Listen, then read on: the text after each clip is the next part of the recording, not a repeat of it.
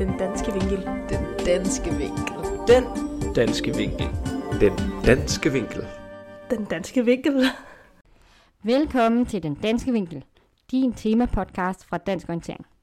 Jeg hedder Camilla Bevensee, og jeg er din vært her på kanalen. Den Danske Vinkel er til EM i orienteringsløb i Italien, og i dag har jeg været så heldig at fange landsholdsløber Hedvig Valborg Gydesen. Velkommen til. Mange tak. Så Hedvig, du har løbet den individuelle sprint her til VM, som hedder EM, øhm, og i morgen skal du løbe knockout sprint. Hvordan har det været at være hernede? Det har været super fedt at være hernede og komme til et mesterskab øh, igen. Øhm, ja, og få lov til at løbe to af distancerne er jeg også utrolig glad for. Nu har jeg kun løbet den ene, så her når man har den stående i morgen, så går man også lige og er meget nervøs her dagen før, og lige vil gøre sig mest muligt klar og ja, være super klar til i morgen, når det også er tidligt og hårdt at komme afsted. Og det bliver jo en lang dag, ja, forhåbentlig, hvor der først er kvalifikation, og så er det de her finaler, kvartfinale, semifinale og til sidst en finale-finale. Øhm, og øh, hvordan har du forberedt dig? Hvad, øh, hvad, hvad tænker du, du skal i morgen? Øhm, ja, men lidt på begge distancerne, jeg løber, der har jeg haft en målsætning, jeg vil være rigtig lykkelig for at opfylde, og det er jo den her kvalifikation og lykkes med den. Øhm, det skete jo her til individuelt, at jeg kom videre, hvilket jeg var mega glad for. Øhm, så det er også øh, min, mit hovedmål for i morgen, det er at bare ligge hårdest ud fra start af, og så prøve at se, om jeg kan komme i den top, der også er blevet mindre. Top 12 er det jo blevet til. Og så også en kortere bane, så det bliver hurtigere tider, det bliver færre personer, og det bliver endnu tættere i top 12 med sekunderne, der kan afgøre det. Så det er mit, øh, mit hovedmål og min indstilling til i morgen, at jeg selvfølgelig også, hvis jeg kan gå videre, så vil jeg også speed på øh, i en kvartfinale, men, men det er virkelig øh, kvalden, jeg har mest i fokus. Øh. Ja, for det bliver en udfordring, lyder det til. Øh, men øh, din vej hertil, hed vi, øh, i, i år og din sæson, har jo øh, måske, i hvert fald her de seneste halvanden, to måneder, øh, heller ikke været helt, helt let. Kan du, øh, kan du fortælle lidt om, hvad det er, du har, øh, har rendt rundt og bøvlet med? Ja, altså jeg har jo fra starten af den her sæson haft fuld fokus på øh, EM i sprint. Øh, og min sommer gik super godt, øh, indtil rigtig sommerferie startede. Øhm, og så fik jeg både lige lidt sygdom i sommerferien, der tog lidt tid at komme ovenpå igen. Og så da jeg var det, var jeg så i Tjekkiet og løb. Og en lille uge eller to efter den, så, øh, så får jeg den her forfærdelige oplevelse, hvor at jeg styrter til en morgentræning, som er en højintens træning, og det går hurtigt. Og ja, jeg glider i noget græs, og så flækker jeg begge knogler i min underarm. Du brækker simpelthen armen? Ja, øh, ikke bare en lille revne, men øh, begge knogler går helt i stykker.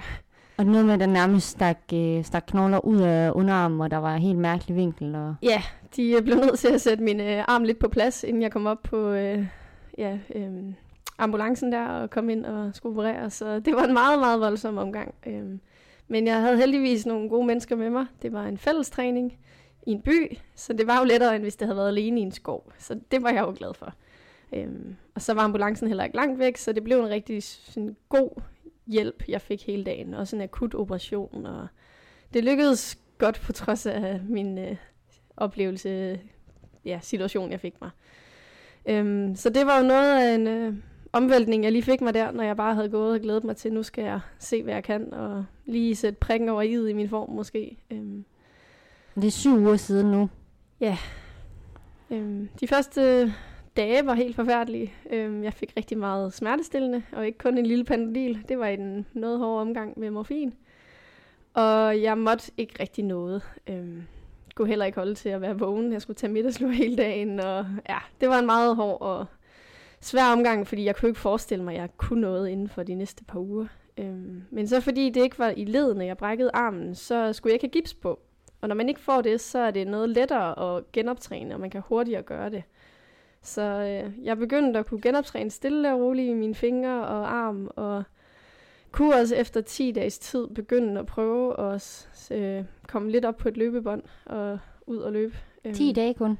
Ja, det havde øh, ortopæder sagt til mig der dagen efter min, mit styrt, men jeg var sådan, det kan jo ikke lade sig gøre, at man kan det. Jeg var helt i chok, og jeg turde ikke håbe på det, fordi ja, hvis man håber på noget lidt for meget, og så det ikke er det, der sker, så bliver man jo endnu mere ked af det. så det var jo fantastisk at kunne det igen. Øhm, og så var det jo det her EM, jeg også bare håbede på, at jeg kunne få en mulighed for, men jeg turde igen ikke håbe på noget. Øhm, men så fordi genoptræningen blev så god og effektiv, og intervallerne de kom jo heller ikke lang tid efter, og næsten nogle uger, der så normalt ud, ikke lige på mængden og kvaliteten i starten af min træning, men sådan mere timemængden. Jeg kunne komme ud og løbe lidt, og ja, så det blev super fantastisk. Og så var øh, landstrænerne også så øh, super dejlige, at de gav mig mulighed, hvis, øh, hvis jeg ja, stadigvæk kunne lad være med at melde afbud i sidste øjeblik. Så fik jeg muligheden for at komme herned. Så det er jo en kæmpe succes i sig selv, øh, at få lov, og så endda to distancer. Så det har været nogle rigtig svære syv uger, men de er jo gået den fuldstændig rigtige vej, og næsten kun med det ene bump i starten, og ikke undervejs. Så det er gået markant bedre, end jeg havde tur håb på. Øhm, ja. Så det gør mig også glad hernede, og mere bare den her, nu vil jeg vise, hvad jeg kan, efter de her syv uger, og situationen, jeg havde mig, og ja. Men stadigvæk, øh, nervøsiteten, den kan man ikke undgå. Og hvordan har din arm det? Altså, kan du bare løbe uden smerter, og er du mere nervøs, eller hvad, har det påvirket dig? Smerten er der ikke, når jeg løber. Jeg løber med en skinne, for jeg ikke kommer til at dingle lidt for meget med håndledet og armen, og også lidt huske på den, når jeg løber. Øhm. Og så i starten, da jeg prøvede at løbe sprint hjemme i Danmark, der var der lidt for meget græsplæne, når jeg løb øh, i sådan nogle parker og steder. Øhm. Så der var jeg meget bange, når jeg løb. Turde ikke sætte fart på og svinge rundt om bygninger og men hernede i Italien, der er der næsten ikke noget græs. Hvis der er, så er det kun, at man løber lige hen over en lille græsplæne, lille bitte hjørne af øh, en vej eller noget. Så det er mentalt meget lettere for mig. Øhm, også lige, at jeg fik lov til at løbe lidt sprint hjemme i Danmark til lige at lade op, og at det ikke bare var første sprint, jeg fik her. Øhm, og så også det her med, at det ikke er fællesstart, jeg har fået mig.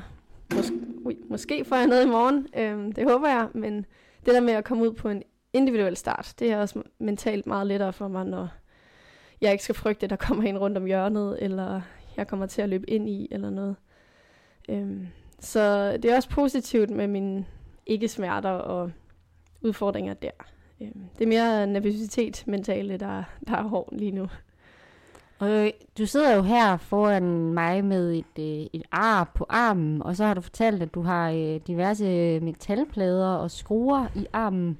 Hvad, øh, hvad er egentlig sådan prognosen? Skal du have det ud, eller skal du have det resten af dit liv, eller hvor, hvor øh, går det hen af? Øhm, mine læger derinde ved skadestuen og så videre, de har sagt, at øh, jeg skal have skinnerne og skruerne siddende, øh, med mindre man får store problemer. Noget smerte eller noget, der ikke gør det muligt. Og, ja, præcis. Hvis man ikke kan bevæge og bruge armen, som man jo gerne skulle kunne. Øh, så øh, jeg regner med, at de skal blive siddende. Øh, og jeg kan jo også få lidt udfordringer med, at øh, lidt i mit håndled kan jeg ikke øh, mærke 100%, når jeg lige sidder og rører ved det. Øh, jeg kan bruge alle mine fingre, og det er heller ikke noget, jeg lægger mærke til, kun hvis jeg lige sidder og rører lidt ved min hud. Så det er jo ikke nerverne, der er gået i stykker eller noget. Øh, men det kan godt blive den med, at min arm ikke kan drejes lige så meget, som den kunne før. Og, men nu er det jo heldigvis også min venstre, ikke min højre. Så det er også en af de lidt positive ting ved det hele.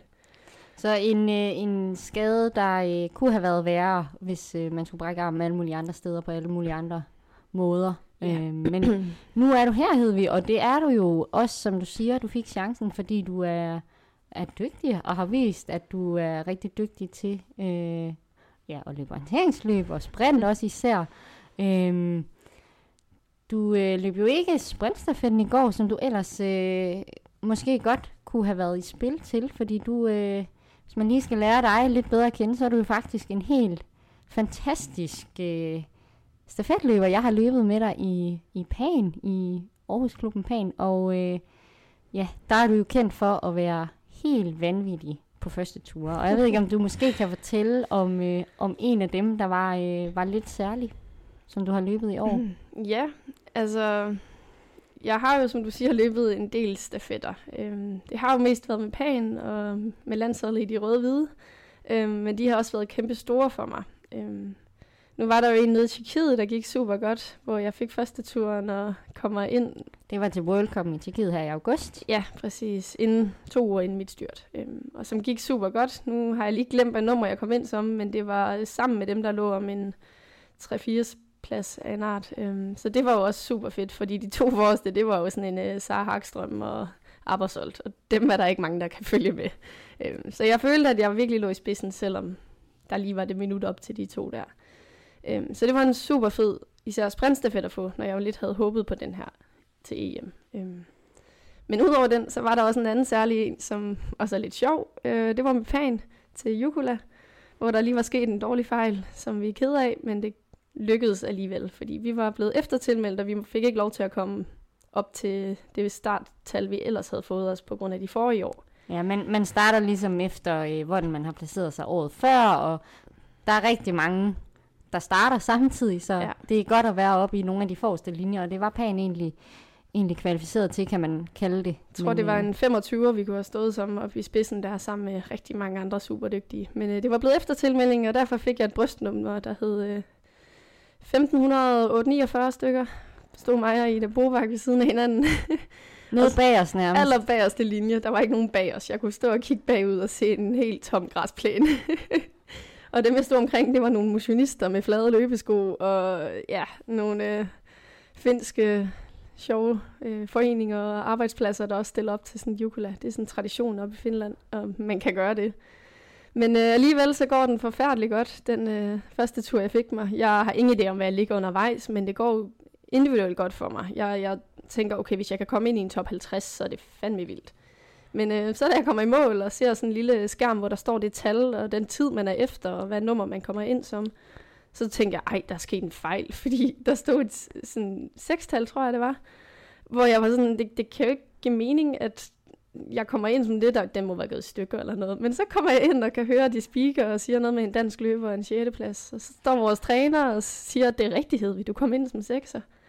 Øh, og det var også under et minut efter, ja, det var helt vildt. Og det synes arrangørerne også, fordi de ville da også lige snakke med hende, der kom ind som den førende.